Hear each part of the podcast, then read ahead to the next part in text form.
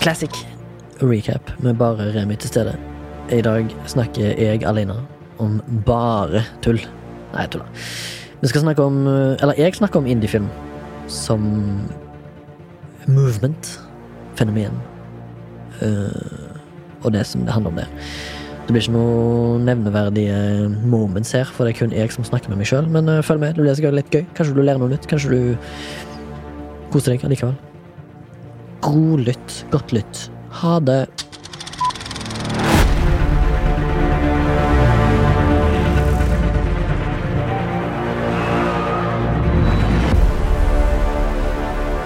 Kjøre i gang. Yeah. Remi prøver seg på solopodkast i uh, Babas uh, og Mortens fravær. Uh, flashback skal i dag kun ha min stemme involvert. Så derfor prøver jeg å snakke langsomt, så at jeg kan dra ut tida litt. Nei da, jeg bare kødder. Men i Show Must Go On, som de sier på både Sunnmøre, Nordmøre, Vestmøre og hva annet er det? Østmøre. Der sier de gjerne at the show must go on. Fordi nå har Baba og eh, Morten emigrert til utenfor Oslo i jobbsammenheng, og kan ikke delta i studio på, til Soundtank, der vi lager podkast. Så derfor skal jeg prøve å ta dere gjennom en Kanskje det blir en mindre kort, en kort, veldig kort episode, for det er kun jeg som prater. Og jeg prater til meg sjøl, men jeg prater òg litt til Sondre som sitter på spakene, men han er kanskje opptatt med å spille uh, Plants versus Zombies på mobilen mens han hører på at jeg prøver å raljere videre i programmet. Kanskje noen liker at det er kun jeg som snakker. Jeg har jo tross alt en av de vakreste dialektene i hele Norge. Og jeg prøver å holde meg til han så mye jeg kan. Og noen har òg påstått eh, til meg, og erkjent, at jeg har en veldig behagelig stemme å høre på, så lenge jeg holder et eh, relativt lavt nivå, og sånn at eh, Kanskje du kan nyte eh, Nyte at jeg snakker om uh, kanskje noe jeg ikke har peiling på, kanskje noe jeg har peiling på. Anyways, uh, vi skal gå videre til det som kalles for ukas flashback. Det er jo nå meg og Baba og Morten som regel, og gjest, hvis vi har gjest, prøver å, å orientere lytteren som hører på, om uka som har gått, og hva vi har klart å ha konsumert av mediet. Eh, Baba har jo blitt mobba mye i podkasten for at han hadde med seg en eh, alpakka farm. Som han var og klappa noen alpakkaer som ukens flashback, som jeg syns er hilarious å tenke på. Men samtidig skal jeg gi han honnør for at han tørte å si det. Eh, fordi at Hvis for eksempel Morten hadde vært på Tusenfryd, så hadde jo han sagt at han hadde vært, vært på tu Han har ikke konsumert så mye medier i det siste, for jeg og kjerringa var på Tusenfryd ei uke. Så ville jo han sagt det. Det er det som har skjedd i hans uke. Og i Babas uke, den gangen han nevnte alpakkafarmen, så var det det han hadde gjort. Det var det han hadde konsumert. Han er sikkert kanskje også betalt for å komme inn på den alpakkafarmen. Det vet vi ikke. Vi kan spørre når han eventuelt er tilbake. Men mannen er Eller begge mennene er ute på oppdrag for Norges folk å lage underholdning til deg, sånn at de kan ha noe å se på når eventuelt en annen pandemi eller lockdown kommer. I form av krig eller kanskje òg fred. Kanskje det blir lockdown for peace. At nå er det på tide at vi gjør noe med å redde planeten. Derfor lokker vi ned hele landet. Og så har du masse ting å se på, og det er det da Baba og Morten som har vært og bidratt til. Jeg òg, egentlig, men jeg, har, jeg, jobber i Oslo for tida med en TV-serie. Eh, det kan jeg snakke om senere, men ikke akkurat nå. Flashbacken til meg, altså Remi, denne uka. Eh, forresten, jeg er fra Haugesund. 34 eh, år gammel, jobber med film. Jeg, jeg kjøpte meg en skamdyr Blu-ray som heter Blade Runner 2049, eller 2049, Blade Runner, som er da oppfølgeren til Ridley Scotts 1982-film Blade Runner av samme navn, som er da en film basert på en bok av Philip K. Dick som heter Do Androids Dream of Electric Sheep? Eller, eh, som jeg har lært, på norsk så heter den boka eh, Livstyvene, som jeg synes ikke er et veldig bra navn på den boka. Men de om det Nordmenn har jo ofte veldig dårlige oversettelser på titler på uh, filmer, iallfall før i tida. Nå er det mer vanlig å ha eh, originaltittel. Og det syns jeg er fint. Bortsett fra nå hvis det er norsk tittel og skal ut i verden, så kan liksom ikke ting hete Det på norsk. Sånn Det skjelvet heter The Quake. Eh, som lærte i forrige episode, i, eh, tror jeg. Ja. Jakten på nyresteinen heter jo Body Troopers, som jeg synes høres ut som en actionfilm. Noe som det kanskje er, forbann. Men uansett, jeg har sett Blade Runner 2049 på den Blu-rayen jeg kjøpte, som veldig, var veldig dyr, men det var fordi det var sånn special limited edition steelbox cover med eh, sånn ganske stilig eh, cover, da, kan du si. Eh, jeg skal ta noen bilder og legge ut på Instagramen vår, så kan du se hvordan den ser ut. For det er sånn Mondo art, tror jeg det kaltes for. Det er det rett og slett Stilboksen er liksom dekorert med kunst eh, fra fra filmen, men det er ingen titler eller skrift på coveret, så den er veldig sånn stilrein og pur i form.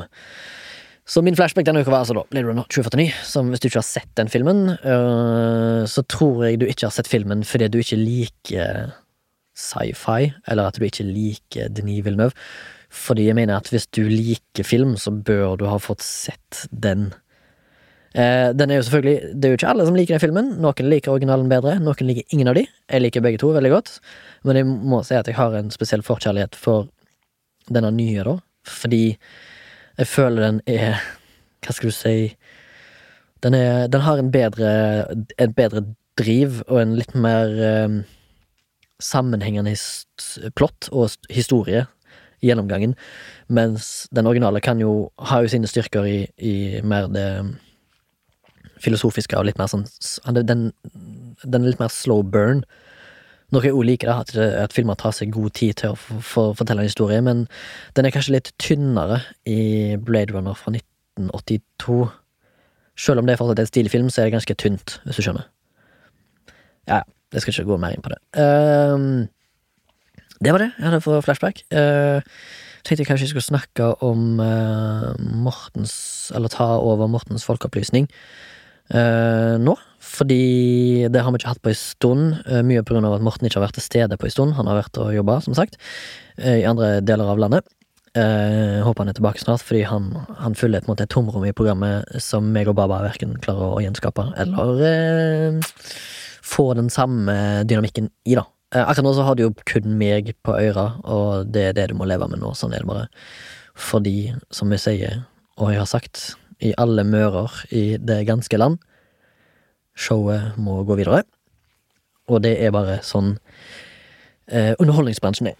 Camera, lights, action! Mortens folkeopplysning! Min Mortens folkeopplysning denne eh, uka er Jeg skal forklare begrepet geriljafilming, eller guerrilla, guerrilla uh, filmmaking, som har litt med tematikken på episoden å gjøre, som i dag jeg skal røpe, og som du kanskje leser i tittelen på episoden. Uh, Indiefilm, eller uavhengig film, da, eller sånn independent film, som uh, Ja, vi kommer tilbake til. Men uansett, jeg skal forklare geriljafilming. Eh, det er et uh, en, et film En filmteknisk utførelse gjort av et, et produksjonsteam, altså et filmcrew, som gjerne ofte eh, produserer på veldig lave budsjetter, og der eh, kanskje ikke de har fått alle tillatelsene de er nødt til å ha for å filme. For eksempel, la oss si på T-banen i New York City, sant? så kan ikke du dra med deg en 50 persons filmcrew for å filme. Hvis ikke du Altså Ofte er det store budsjettfilmer. De har jo gjerne anledning til å kanskje bygge en T-banevogn som et sett. Mens hvis du har 8000 dollar til å lage film for, så er du nødt til å filme på den faktiske eh, undergrunnen i New York. Og da eh, er det kanskje gjerne for kostbart for et filmcrew som er relativt lite til å begynne med. Kanskje det bare, Hvis du skal filme i det skjulte, da, som er på en måte begrepet geriljafilming, at du går inn nesten ulovlig og filmer plasser på veier eller private områder, eller offentlige områder, der du vanligvis må ha tillatelse til å operere, at du filmer det i det skjulte og uten tillatelse. Gjerne fordi at du ikke har råd til tillatelsen, eller at det tar for lang tid rent byråkratisk å skaffe det. Og geriljafilmskaping er jo ofte gjort på enkle, med enkle grep når det gjelder lyssetting, eh, kamera og Art Department, eh, som jeg interesserer meg for, i hvert fall. Det er gjerne at eh, ting blir filma as is, for du får ikke så gjort så mye med det. Med tanke på at geriljafilmmaking la, lager du materialet as is. Altså, du kommer til en plass, og så må du bare filme det, det, det er sånn som det er. Om det er så, så masse folk som ødelegger shoten, hvis du er nødt til å filme for eksempel under jakka di som en blotter, for eksempel, bare istedenfor at du har en penis under jakka, så har du et kamera, og filmer noen skuespillere som sitter på motsatt ende av uh, T-banevogna, og du må filme en samtale de har, uh, så må du gjøre det på den måten. Men det som er fordelen med geriljafilmmaking, er at du får et veldig ekte preg på scenen du eventuelt vil ha, da. Så la oss si Jeg kan ta et eksempel. På en film som er nesten filma Hele dritten er filma, iallfall offentlig, da. Eh, Gerilja. Det er da en film av Safety-brødrene som heter Good Time. Jeg tror vi har vært innom litt og snakket litt om den i forbindelse med Vi hadde en episode om eh, den filmen der som heter Åh, den heter Ja, du, du husker den diamantfilmen? Nå vil jeg si Rough Cuts, men det heter han ikke. Han heter så mye som Nå må jeg google det, så derfor må du gi meg litt tid. Den heter Åh, shit, fuck, fuck, fuck, fuck, fuck, fuck, fuck, fuck, fuck, fuck. Åh, kom igjen. Nå må du gi meg Uh, Uncut Gems. Jesus. Jesus! Jeg fant ut av det. Uncut Gems. Jeg sa Rough Cut. Det er jo uh, feil. Jeg tror det er en koreansk film som The Rough Cut, faktisk. Som er verdt å se. Faen, nå mista jeg tråden nå. Men ja, da får du bare høre på meg. komme tilbake til tråden. Jo, Good Time. Den ble jo for det meste filma geriljastyle i New York, som er den jævlig dyr by å filme i. Ikke så dyr som Los Angeles, eh, der de har tillatelse hvis du skal filme som en, en indie-filmskaper sa en gang, som heter James Rolfe, sa at det er helt umulig å lage indiefilm i LA, for hvis du skal filme et tre inni en park, så er du helt sikkert nødt til å ha tillatelse fra ekornet som bor igjen. på skriftlig vis fra byråkratisk hold. Så så dyrt er det der. Eh, og da må du filme skjult, og gjerne med et bitte lite crew.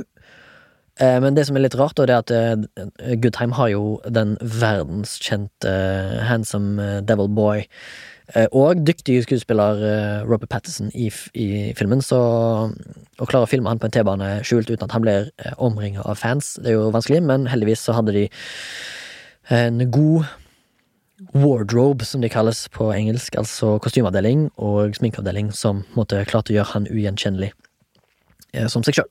Og det er jo det filmet. Skuespillere skal jo være noen de ikke er. Og det er jo litt eh, Det er jo litt fascinerende å tenke på. At eh, han kunne nesten gå u, upåvirka rundt omkring på det filmsettet, eh, leste jeg på IMDb, uten at noen kjente han igjen. I tillegg så har han jo eh, amerikansk aksent, og han har jo i utgangspunktet ikke det, så han blenda sikkert ekstra godt inn med å snakke litt sånn høglytt amerikansk. Muligens. Anyways, vi skal til indie-film-begrepet, da. Eh, Jeg kan jo begynne med litt historie der.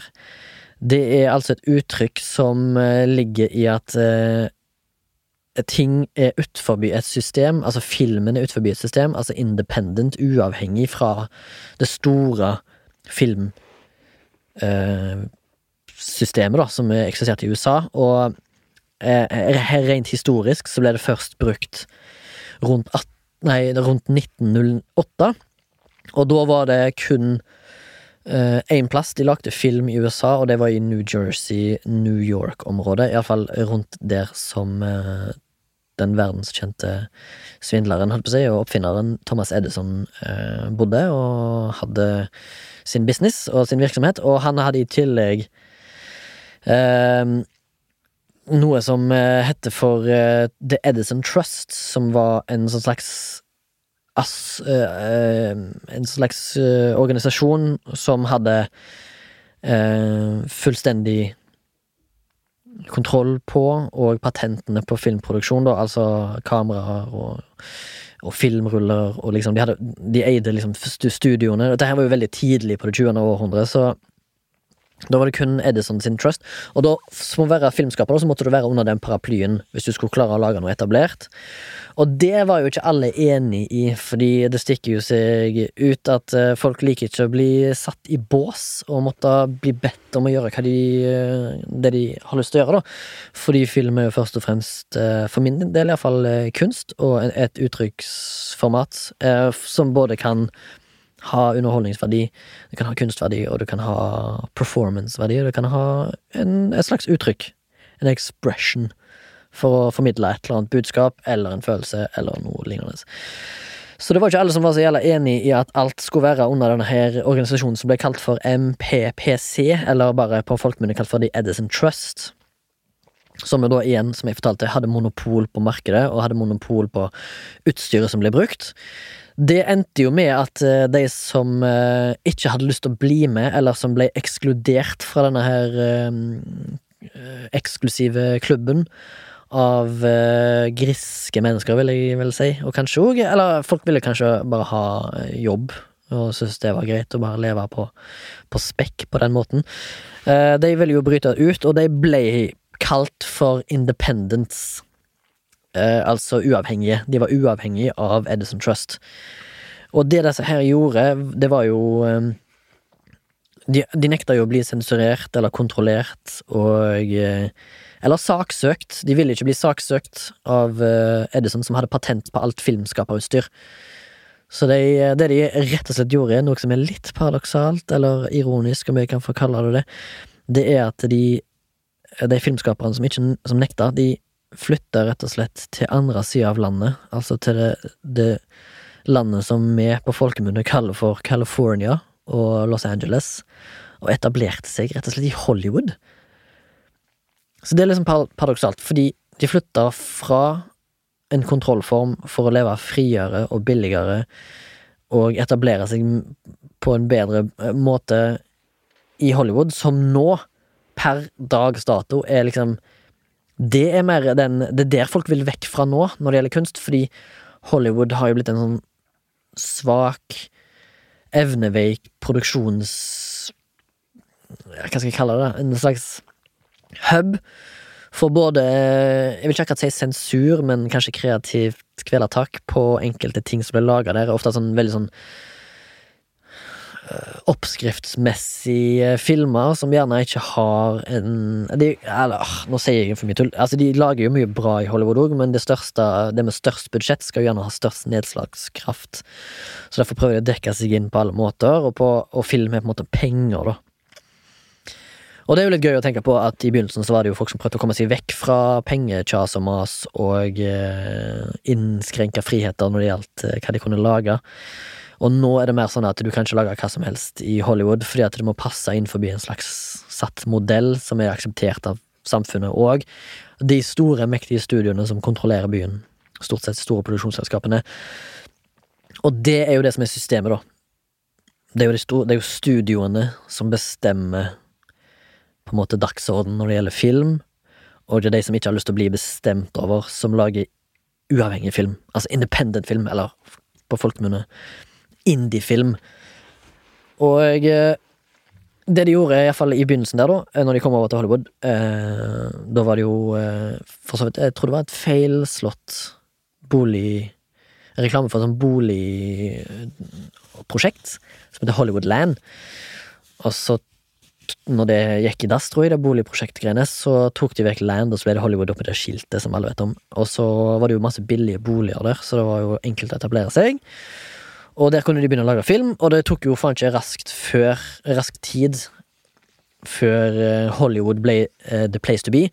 Hadde mer stabilt vær, uh, hadde masse øde landskap som de kunne filme på. De hadde all slags biomes, altså da uh, klima og flora, tror jeg det heter. Eller hva det heter. Sånn, altså, de hadde både ørken, de hadde skog, fjellandskap og den slags. Så de hadde liksom alt på en plass innenfor samme radius, kan du si. Eh, Det de gjorde da, var i tillegg til, siden eh, Edison hadde patent på ting i New Jersey, var at de utvikla sine egne ting, altså egne kameraer, eget utstyr. Og på den måten kunne de da lage film. Og så ble selvfølgelig da Hollywood den største huben av de alle når det gjaldt filmskaping. Og det ble etablert store studioer der, og etter hvert så ble jo på en måte den kreative kontrollen tatt tilbake igjen av det etablerte, kan du si, systemet. Alle har sikkert hørt om Warner Bros og Universal og Paramount. De har jo eksistert uh, så lenge film nesten har eksistert i Hollywood. De holder jo fortsatt koken, og de produserer jo mye. Og de produserer mye for profitt, selvfølgelig, men de har òg på en måte Jeg føler òg de har et annet ansvarsområde. De skal tross alt eh, tilbakelegge kulturarven til USA, men òg verden. Eh, for øvrig syns jeg, eller føler jeg, at de er nødt til, fordi eh, hvis du skal ha eh, Hvis du skal ha film, så må det engasjere publikum. Og det er jo ikke alt som engasjeres hvis du for eksempel bare lager den samme miljø hele tida, som du føler mye av for eksempel Marvel-filmene ofte gjør, selv om de har stor production value, altså produksjonsverdi, så er ofte mange av de filmene forglemmelige Er det det heter? At de blir fort glemt og faller inn i mengden av annet ræl, mens det er noen uh, lyspunkter som stikker seg ut. Men indiefilm har jo omtrent uh, alltid vært der, iallfall i alle århundrene, og boomsa, hvis du kan si det på den måten. Uh, personlig så har jeg, eh, hørte jeg ikke uttrykket før på sånn, kanskje på slutten av 90-tallet. Og da var det jo eh, blant annet eh, noen ganske kraftige navn ute på markedet allerede på, slutten, eh, på begynnelsen av 90-tallet. Du har blant annet Robert Rodriguez, som var kjent for Desperado, og, og eh, den der vampyrpuppefilmen som jeg ikke husker hva heter nå. From Dusk Till Dawn, for eksempel. Quentin Tartino har jo et stort navn, men det er litt rart at han er en sånn indie-filmskaper, men jeg tror budsjettet på Django Unchained var sånn 100 millioner dollar, og garantert et par studioer bak, men han får kanskje Jeg føler liksom at, eh, Independent Cinema har den derre Du kan kalle det det hvis du har frie tøyler til å lage hva du vil, uten at noen bestemmer over hva du skal lage, og det føler jeg at Quentin Tantino har en slags sånn integritet. Der han har lyst til bare å si Hvis han får beskjed om at han skal lage noe basert på for eksempel et sånn testpublikum, så kommer han til å si nei takk, dette er ikke for meg. Og det tror jeg gjelder en god del andre eh, filmskapere òg, som eh, for eksempel Jim Jarmusch, kan nevne Paul Thomas Anderson. Eh, David O. Russell kom jo òg ut over 90-tallet, etter eh, etter ja, 1991 cirka, når det brøyt ut eh, Ikke brøyt ut, men det kom i alle mange etter en uh, Sundance filmfestival ble etablert uh, av Robert Redford, hvis jeg ikke tar helt feil, som uh, tok gjerne inn uavhengig film, da, og viste de på sine kinoer og festivaler. Som jeg synes er bra. Og ifølge tall som jeg har funnet ut, som er veldig kjedelig å se tall, det vet jeg, men i 2005 blant annet så ble det jo målt hvor mye penger som de får igjen for in uavhengig film, eller indiefilm. Det er da altså eh, Av alle filmene som blir laga i USA, så er det ca. 15% fortjeneste på å lage indiefilm av alle som blir laga. Det er jo relativt greie tall med tanke på at indiefilm sin, sin sjel og sitt hjerte er egentlig at du eh, skal få lov til å lage film uten at noen eh, folk i dress skal puste deg nedover nakken for så å si hva du skal lage, istedenfor at du skal lage det sjøl. Jeg tror det var filmskaperen eh, han Coppola, Francis Ford Coppola, sa vel uh, det at uh, det er jo det som er film, at du kan få lage hva du vil til et publikum, og at det Eller han sa på engelsk sa han Cinema is escaping being controlled by the financier, som er da studioene, og folk med penger. And that's a wonderful thing. You don't have to go hat in hand in some film distributor and say please, will you let me make a movie? Og han Francis Ford Coppola er jo kjent for blant annet Apocalypse Now og Gudfaren-trilogien. Altså, han lagde trilogier før det var Før det egentlig var eller tatt etablert eh, sequels på filmer, spesielt store produksjoner, men uh, først og fremst var jo Gudfaren ikke en sånn superstudiofilm. Den var veldig sånn non-linear og eh, brukte Han var veldig fan av mye nye teknologiske framsteg, er det det det? Sorry, jeg når jeg snakker, men Francis Ford var iallfall interessert i å å utvikle seg som filmskaper, og ikke bare uh, forholde seg til de gamle greiene. Han var veldig, for eksempel veldig fan av eh, digitalkamera når det kom, og han er fan av å, å lese og lære seg om andre måter å lage film på. Og det det han sier gjorde at han ble glad i å lage film, da. Så hvis du har sett Hearts of Darkness-dokumentaren, som viser òg hvor vanskelig og jævlig det kan være å lage film, det er jo da altså dokumentaren som handler om produksjonen av Francis Ford Coppola. Der er det masse intriger og dramaer og stress og hjerteinfarkt og svik og svindel involvert, og eh, feilcasting av skuespillere, og det er det ene og det andre. Det er ganske mye rare greier som skjedde under den produksjonen, og så er det jo i tillegg da blitt omtalt som en av de ganske kritikerroste filmer i ettertid, eh, sånn på verdensbasis. Apocalypse Now, det er gudfaren òg, for så vidt. Føler jeg ranter litt nå, men uh, jeg vil iallfall uh, denne episoden av Flashback skal handle om indiefilm. Uh, og jeg tenkte kanskje jeg skulle bare snakke om noen som jeg setter pris på, og det er jo Eller jeg kan nevne noen som jeg syns det er Som jeg syns er uh, kule, og som har gjort seg bemerka som indiefilmer, eller iallfall kaller seg selv for indiefilmer, selv om det kanskje ikke er, føles ut som det. Og det er blant annet en uh, Oscar-film som jeg har sett, som jeg føler er ganske sånn replay value på. Det er jo Spotlight. Jeg tror jeg har snakka om den før i um, I en flashback, kanskje i forrige episode. Spotlight er jo den filmen som handler om sånn avdekking av pedofili i katolske kirker. Uh, som vant uh, Best Picture, og den er jo en indie-film. Og i tillegg så kom jo indie-filmen Moonlight 2016 og vant Oscar. Og så i 2020 så vant jo Parasite, som er en koreansk film, Best Oscar. Som er Eller Spotlight var 2016. Moonlight var 2017. Sorry, jeg hadde mine uh, årstall. Stockholm. Og det er jo bra. Og så har du jo i tillegg, når vi tenker på, med tanke på at uh, indiefilmer òg kan tjene gode penger, men nødvendigvis ikke være så jævlig gode, så har de jo for eksempel Blair Witch Project, som var en stor, stor, gigantisk suksess som indiefilm. Som er sånn der, en av de, Det var vel den første, eller jeg vet ikke den første, men den første som ble kjent som found footage horrorfilm på tidlig 2000-tallet, tror jeg. Da. Var, det, og 90-tallet, kanskje. Det var jo en film som eh, kosta ikke mer enn 60 000 dollar å produsere, men eh, når han havna på kino, så tjente han jo godt og vel 250 millioner dollar. Det er return on investment. Tenk å være, det, det må jo være føles som hvis du har investert i den filmen der og, fått, og skal få tilbake prosenter av billettsalget. Hvis du har sponsa den filmen med litt penger, Tenk på hvor mye return on investment du får der. Det er jo som å reise tilbake i tid og muligens uh, kjøpe aksjene til Google i 1995 eller noe.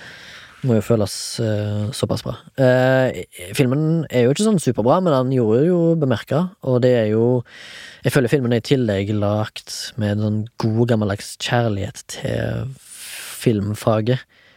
Da, altså da skrekkfilm narrativene som ble benytta av den filmen, og liksom den derre litt sånn Steven Spielberg, Jaws-aktige framstillingen av måte, det store, skumle monsteret som nesten ikke blir vist, det blir bare hinta til. I mye mindre grad enn det gjør i Jaws, da, selvfølgelig. Fordi Blair Witch Project er jo først og fremst en film om noen som prøver å finne en en, en myte, hva heter det, sagn, eller sånn Jersey Devil har du hørt om sikkert, men uh, The Blair Witch i samme område. Så er det film, filmskaper, dokumentarteam som skal ut og filme, med håndholdt kamera, og det hele virker liksom veldig dokumentarisk, og kanskje litt sånn dårlig laga, men jeg tror kanskje det var meningen bak det. I tillegg så hadde jo et superlavt budsjett, og garantert mye geriljafilming, og mye naturlig lys, og sikkert et veldig enkelt, superenkelt art department. Altså mm, veldig få kostyme- og makeupvalg, og i tillegg eh, rekvisitter. Det var muligens bare telt og noen skumle trefigurer som var liksom klistra sammen og hengt opp i noen trær. Mm, men ja, uansett, den er jo Den var jo et eh, Jeg vil vel si at den var et uh, banebrytende for found footage-sjangeren. Der er det jo ikke så jævlig mye bra, men eh, det er jo mange av disse her eh, indie-filmskaperne som begynte å lage dette her i begynnelsen, har jo selvfølgelig fått kloa si Eller disse her, jeg mener, sorry, studioene har jo fått kloa si i indiefilmskapere som har laga noe sånt som Å ja, faen, kan dette her tjene penger? Da må vi jo få klo i det. Og så lager de omtrent basically kopier av det, og så med store budsjetter, og så tror de at de skal tjene penger på det. Og at det, de tror det er sånn du skal lage film, ja. Ah, nettopp, ja. Mm, mm. Og så blir det en eh, Og så blir det en uh, flopp. Og så syns de ikke Hollywood lenger det er noe gøy, og så har de muligens kanskje ødelagt karrieren til en eh, upcoming filmskaper. Som de har gjort flere ganger. Eh, eksempler på det. Josh Trank, som lagde indie-filmen Chronicle. Som noen av dere kanskje har sett, som er en sånn der, litt sånn lavbudsjett eh, superhero origin story, men helt uavhengig. Ingen etablerte navn Altså på karakterene, da. Altså, det er ikke sånn origin story til Black Adam, liksom. Det er mer sånn Dette her er hva som har skjedd hvis uh, Marvel eller DC ikke eksisterte. Altså, en fyr får uh, De havner i et hull, og så får de noen uh, telekinetiske krefter, og så blir selvfølgelig han, ene blir jo selvfølgelig sånn evil villain, da. Men altså, filmen er ganske kul. Og kult laga, kult konsept. Det er liksom som at noen har fått et, uh, en, bra, en, bra, idé, og så har de noen, kanskje noen få millioner dollar som de kan lage denne filmen for. Eh, kanskje noen indie-studioer eller indie-produksjonsselskap som sier at her kan vi kaste litt penger i. Så ble det jo en ganske bra suksess, iallfall kritikerrost, og jeg tror han har godt besøkt òg. Så hanka jo selvfølgelig Sony inn Josh Trank til å lage Fantastic Four-remake, eller ny vinning. Ble totalt overkjørt av studio. Hele hans visjon ble rett og slett drept og filmen floppa. Både kritikerrost eh, Han ville ikke kritikerrost, og han, ingen gikk og besøkte han, og den har forferdelig mye feil med seg. Den er gjennomgående drit. Jeg har ikke sett den sjøl engang, men jeg har hørt at han bare er bull dogshit, og en stor farse. Så der kan du se. Eh, hvor er Josh Trank nå? Fyren som sikkert var lova en lysende karriere hvis han hadde laga noe greier. Men hvis, bare, hvis studioene bare hadde sittet på sin plass og latt mannen få gjøre det han er god til, og lage gode historier, i stedet for at folk skal justify their position på de 17 000 produsentene som er liksom på det Sony-bygget, og som skal ha noe å si, og de skal liksom Å, jeg må gjøre meg sjøl verd, verdifull for dette firmaet, og skal ha mye ting å si. Altså Folk som spytter inn penger på det, skal si liksom sånn 'Å, ja, jeg skal bestemme, jeg vil ha en sånn og sånn karakter', bla, bla, bla. 'Ja, jeg har betalt penger for dette her', sant. Og da blir fil, da mister filmen sitt særpreg med en gang. I stedet for at han kunne gjort hva han vil. Du, og så føler jeg at du kan liksom ikke gjøre det samme da med hvis du hyrer inn Steven Spielberg til å gjøre det samme. Så tror jeg neppe alle disse her uh, suits dresskledde folkene som eh, skal prøve å bestemme hva du skal lage, hadde tørt å sagt til Steven Spielberg du, du, jeg vil at du skal lage det sånn og sånn og sånn. sånn. Da hadde Steven Spielberg sagt vet du hva, det trenger jeg ikke gjøre, jeg kan gå til noen andre og lage noe mye bedre. Ikke Don't tell me what to do. Sant? Og da Det kan de gjøre med unge, ferske, formbare filmskapere i Hollywood. Eh, noe som er teit. Syns det. Jeg sa jeg skulle snakke om noen Kanskje noen eh, selskaper som jeg setter pris på, som har uh, eh, laga noen filmer som independent film, da. Altså lager det ut forbi etablerte studiene. Gjerne uh, Mye av det, det som blir filma, de eller mye av de filmene de filmer, er ofte sånn on location-filmer som er liksom sånn harde, fine. Du har blant annet A24, de lager en god del uh, indiefilm som uh, med en gang du får A A24 eller A24 på skjermen, så kan du ofte forvente deg litt sånn kvalitet, vil jeg uh, i alle fall påstå. De har ikke holdt på sånn superlenge, de har holdt på siden 2012. Og har blant annet meritter på si liste som uh, er oh shit, nå har jeg ikke det foran meg. Fasan i gasan. Gi meg et sekund her. Mulig at vi klipper Jo, her har vi det. Selvfølgelig. Eh, Eksmakene. Du har Moonlight. Du har eh, uh, The Witch. Du har Room. Og eh, Spring Breakers, som blant annet ble laga for ikke så lenge siden. og de holder jo til i New York, som ofte har blitt oversett når det gjelder Altså, når Hollywood var på sitt største, så var det det var ikke så mye som skjedde i New York, eh, fordi det var jo dyrt og trangt og sånn, men eh, i det siste så har jo New York uh, steget i gradene, og mye av de største filmene som blir laga, spilt inn i New York. For å nevne noen, da, så har liksom mange av Marvel-filmene er jo i New York, men mye av det er jo i studio og green screen. Men for eksempel litt mer sånn down to earth-aktige filmer som for eksempel Spiderman Homecoming, da, hvis jeg kan nevne noen, så har jo gitt New York en ny stjerne. Uh, A24 er òg uh, involvert i TV. Bransjen har blant annet stått for Euphoria-serien, som er veldig um, kjent, og har blitt godt mottatt. Jeg har ikke sett den sjøl, men jeg har hørt mye bra. Kanskje jeg bør sjekke det ut. Uh, og så har du et annet filmselskap som heter Eller produksjonsselskap som heter Annapurna. Annapurna. Uh, som har blant annet uh, en film som jeg anbefalte i siste episode, som heter Killing Them Softly. Og mye av hans Hva heter han karen? Paul Thomas Anderson-filmer blir laga av Day. Og så har du Her, som er en stor, stor. Men den er jo da selvfølgelig koprodusert av Warner Brothers, som er et etablert studio i USA, eller i Hollywood. Uh, hva mer kan jeg nevne der, da? Ja, Anna, vet du, sjekk ut Anna Purna, det er bra. Og så har du en av mine personal favorites. Det er et uh, selskap som heter Spectrovision som ble laga av uh, Eller starta opp av Elijah Wood, som da er Han er vel skuespiller, men han er, mest gått til indie-filmens verden etter at han tror jeg har følt seg litt overkjørt av Hollywood og funnet ut at han har lyst til å lage filmer med hjertet og et godt driv. Og han har jo ofte gått til horrorfilmsjangeren, men litt mer sånn edgy horrorfilm. Og edgy film, egentlig sånn Eh, strengt tatt. Eh, jeg kan nevne blant annet at eh, hans selskap Spectrovision har stått bak filmer som Mandy, eller, og The Greasy Strangler, og Space Lovecraft-horrorfilmen som heter Color Out of Space, som kom ut i fjor.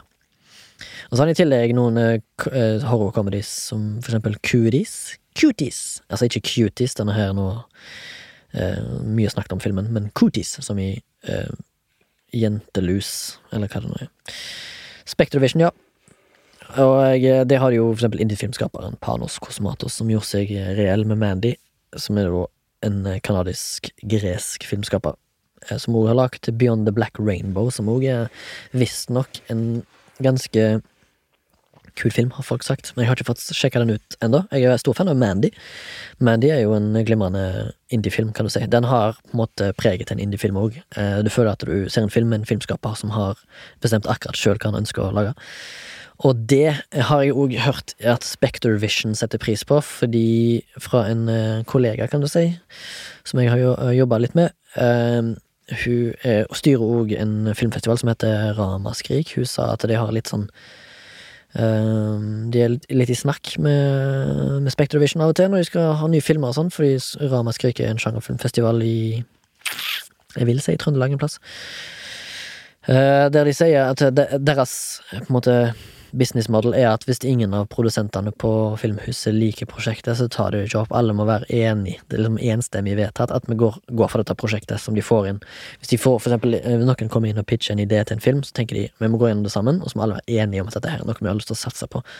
Det er businessmodellen deres, og ofte så går de fra ut ifra øh, Sånn som jeg har forstått det, iallfall, at de går ut ifra at um, Uh, uh, filmen først og fremst skal være et kunstprosjekt, ikke et inntjenende prosjekt.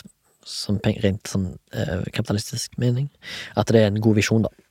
sånn som jeg har forstått det. Men selvfølgelig, det er jo sikkert en pluss at de òg tenker litt marketing og får inn penger fra det de lager, for de vil jo gjerne ha penger igjen fra det de lager. sånn er det. skal du ut med penger, så må du ha inn penger igjen for å lage nye ting. Og sånn er det. Bortsett fra i Norge, enkelte plasser. Der får du jo fullfinansiert filmene dine fra staten. Kanskje. I don't know. Har vi dekket oss da? Jeg kan nevne noen andre notable filmmakers som jeg eh, setter pris på. Jeg var innom Panos Kosmatos, men òg Safety-brødrene snakket jeg om, som har Good Time. De har jo Uncut Gems, som har gått på Netflix. Før det så hadde de en film som heter Heaven Knows What, som jeg har hørt mye godt om, ikke sett. Så har du Jeg vil trekke fram noen som jeg håper lager flere filmer. Og fordi jeg er blitt jævlig glad i en film som heter The Void, som er laga av Jeremy Gillespie og Steve Kostenski. Som er da kanadiske, tror jeg. Eller den lager iallfall i Canada. Og disse her eh, gutta er liksom egentlig jobber til daglig i Art Department, og så har de lager de film utenom, da. Sånn veldig, veldig independent lavbudsjett. Eh, men samtidig, selv om det er lavbudsjett, så er det laga med såpass god driv og kjærlighet at jeg setter pris på, uansett om det blir litt sånn eh, At du la- budsjettpreget lyset gjennom, så blir det fett, fordi at du vet at de har laga hvert bilde for å få fram et spesielt uttrykk, og jobba hardt med å få liksom, at hvert bilde ser bra ut. I tillegg så kan jeg trekke fram noen andre autører, kan jeg kalle det. En film som heter The Endless, som jeg sjekka ut for litt siden. Eh, som handler om to brødre som har vært involvert i en slags dommedagssekt. Har kommet seg ut, og så skal de besøke sekten igjen for å finne ut om Jeg vet ikke hva de skal, de skal vel lære for å snakke om noe. Men de Endless, iallfall, av Aaron Moorhead og Justin Benson, som for øvrig også spiller hovedrollene i filmen, har faktisk laga en jævlig kul filosofisk film som jeg vil anbefale. The Endless. Check it out. Eh, fra 2017, hvis jeg ikke tar 109% feil. Det kan godt hende at jeg gjør. Ikke siter meg på noen ting. Og så har jeg selvfølgelig en eh, Jeg må selvfølgelig kaste en stor eh, high five til koreanske filmskapere som John Bong-ho Nå sier jeg sikkert feil. Og eh, Chanwook Park. Og han som har lagt den, en av de beste horrorfilmene de siste ti årene, The Wailing. Uh, Åh, faen at jeg ikke jeg har Jeg har jo som regel alltid papirene foran meg, men nå skal jeg finne ut hva han heter. Han heter eh, Nahong Jin. Eller han heter egentlig Hong Jinna. Nahong Jin, vil jeg si. For du vet ikke hvordan det der navnet deres går fram og baklengs og det slags. Men ikke minst den gode gamle røveren S. Craig Saler, som kom på eh, markedet for eh, et par år siden, kanskje bare 2016, med Bone Tomahawk. Som jeg synes er en helt solid indiefilm med Han har en sånn kjærlighet for eh, horror på en helt annen måte som jeg ikke har sett eh, før. Og at dette her er en debutfilm med så mange så mange kjente skuespillere på lista. Og da, da tyder det på at manuset må ha vært spennende for deg. eh, siden den filmen kosta nesten ingenting. Men samtidig så gjorde han et superinntrykk. Solid eh, story eh, som ikke alle setter pris på, men òg eh, et slags slør av å ikke bli kontrollert av noe mm, av denne filmen, syns jeg. Eh, han har òg en film som heter Brawl in Cellblock 99, som er en sånn surrealistisk fortelling som sikkert skal bety noe. Jeg tror kanskje det er en kritikk på fengselssystemet i USA og andre kapitalistiske systemer som eh, som utnytter mennesker, men eh, han vil nok òg sikkert lage en deilig voldsfilm der alle som elsker blod og gørr, og eventuelt eh, eh, stilige, kan jeg kalle det, stilige godvoldsscener med bra eh, VFX. Eh, og den slags. Og så har han i tillegg lagt en kul eh, korrupt purkefilm som heter Dragged Across Concrete. Som er sånn to og en halv times lang digg film med Vince Vaughn og Mel Gibson som prøver å finne ut hvordan de kan tjene penger ekstra på grunn av at familiene deres eh, har ikke så mye penger basert på den, de politilønnene de får, så de har lyst til å etablere seg eh, i det kriminelle undergrunnen for å skaffe til veie noe ekstra cash. På grunn av familiesituasjonene deres, sånn hver for seg, da. Altså ikke at de to sammen er en familie. S. Craig Saler skal jo faktisk i gang med Eller han, har nevnt det før denne podkasten, tror jeg. S. Craig Saler er i ferd med å lage en film med Chanok Park, altså regissøren og, og autøren av de koreanske hevntrilogien, altså da Oldboy, Sympathy for Mr. Vengeance og Lady Vengeance-filmene. Og eh, selvfølgelig andre bra som uh, I'm a Cyborg and That's Okay og sånn. Skal lage en film som heter The Brigands of Rattlebone, som, er, som jeg fikk uh, en, omtalt på cinemablend.com var en ultra-violent western. Det kan vi jo se fram til, fordi uh, hvis du har sett Bone Tomahawk, så vet du at S. Craig Saler er i vinden, og han vet hva han holder på med når det gjelder ultravoldelig western med store navn på lista. Blant annet så har jeg nettopp lest at Matthew McConaughey skal spille en av hovedrollene i The Brigands of Rattlebone Rattle Creek? Rattle Creek. Brigands of Brat Rattle Creek. Har jeg dekka alt i eh, indiefilmepisoden, mon tro? Jeg kan nevne bare sånn kort innom eh, noen norske indiefilmer som har gjort seg bemerka, og som har på en måte bygd karrieren til folk. Da kan jeg eh, snakke om eh, Tommy Wirkola, som lagde Kill Buljo, som han lagde for en slik ingenting back in the day, og nå er jo han en eh, superetablert regissør som får laga mye kult, i, blant annet i Norge og i Hollywood. Eh, han har jo den derre kjente filmen Eller kjent Han har den gory, kul, litt kule Hans og Grete-filmen som ble laga for en del år siden. Og så er han vel i gang med innspilling nå, tror jeg, i Norge, faktisk. Hvis jeg ikke tar helt feil. Kan også nevne at eh, Stavanger-bølgen begynte jo med Mongoland av Arild Østen Nordmundsen. Byrjan av 2000-tallet, sikkert lagt et par år før det. Han har jo lagt masse filmer eh, i Stavanger, så nesten for en slikk og ingenting, kan du si, og fortsetter. Han er jo skikkelig indie. Eh, I tillegg fra Stavanger så har du jo en film som heter Vampyrvidar, som kom ut for noen år siden, eh, som er blant annet eh, Pet Project, holdt på å si, ikke Pet Pro Project, men Thomas Askeberg, skuespiller fra Stavanger-området, som har lag, eller laga Det står vel en annen regissør, men han har skrevet manuset på Vampyrvidar, og spiller hovedrollen. På en film som tok to år å spille inn eller noe, og kosta 500 000 norske. Så hvis du ikke Og så sleit de som faen med å få han eh, Ja, han står som regissør. Han er også en som heter Fredrik eh, Valdeland. Eh, og han står på manus sammen, de to. Uh, sleit iallfall med å få distribusjon for å vise den filmen på kino. Tok vel eh, to år etter at filmen var ferdig for deg å få den på, tatt på kino, og da tror jeg faktisk det var godeste Haugesund Filmfestival som inviterte han på festivalen. Og den har i tillegg vunnet supermange priser på sjangerfilmfestivaler i hele verden. Folk digger den. Jeg håper det gir eh, mer mersmak til å lage mer film. Det tror jeg faktisk Thomas Askeberg er interessert i å gjøre. Sjekk ut Vampyr-Vidar hvis ikke du har fått sett den. Uh, ja. Indiefilm uh, is the way to go, syns iallfall jeg. Jeg liker iallfall um, det. Uh, annet eh, hva som ligger bak indiefilm, er jo sånn at det, eh, det er både utenfor systemet rent spirituelt og fysisk, for ofte er de filmene som blir laget utenfor studioene i Hollywood og i New York, blir spilt inn i sånn Midtvesten eller i Canada eller i nordområdene eller flyover states, som noen kaller det. Og der er det mye billigere å lage film, og eh, de kan eh, De har sikkert eh, mye mer enklere forhold å lage film. Får kanskje sikkert mye mer drahjelp fra lokalsamfunnet, som tenker at her legges det igjen litt penger, og det er ofte sånn det funker. Det er jo sånn det funker her i Norge òg, med insentivordningen som mange misforstår, blant annet at folk på VG-kommentarfeltet tror at de som betaler skatt, gir penger til Tom Cruise, når eh, det hele tatt er Tom Cruise som gir penger til deg, i form av at eh, goder, eller penger, ressurser, blir brukt i Norge, eh, og de bare får igjen litt som plaster på såret for at de har brukt penger, så får de på en måte rabatt. Det er det som er insentivordningen, men det er jo Tom Cruise er jo etablert, men han er jo sjøl produsent, så han kan jo lage hva han vil, egentlig. Det er iallfall der, der han ble egen produsent på Mission Impossible, sånn at han kunne gjøre disse halsbrekkende stuntene sine uten at eh, studioene Der har du jo eksempel da på hvor mye kontroll et studio har. Studioene ville jo ikke at eh, Tom Cruise skulle gjøre alle disse her jævlig vågale stuntsa. Eh, fordi at de var redd for å miste, han, rett og slett. Og uh, forsikringer, bla, bla, bla. Så han ble like så godt bare produsent på filmene sjøl, og det har han jo makt og penger til, så han kan jo bare gjøre det sjøl. Og da er, han, da er han jo sin egen sjef, så da er det ingen som kan bestemme over at han ikke kan gjøre stunts, eller Det er derfor de siste Mission Impossible-filmene har vært mer sånn stuntbasert skue enn filmer.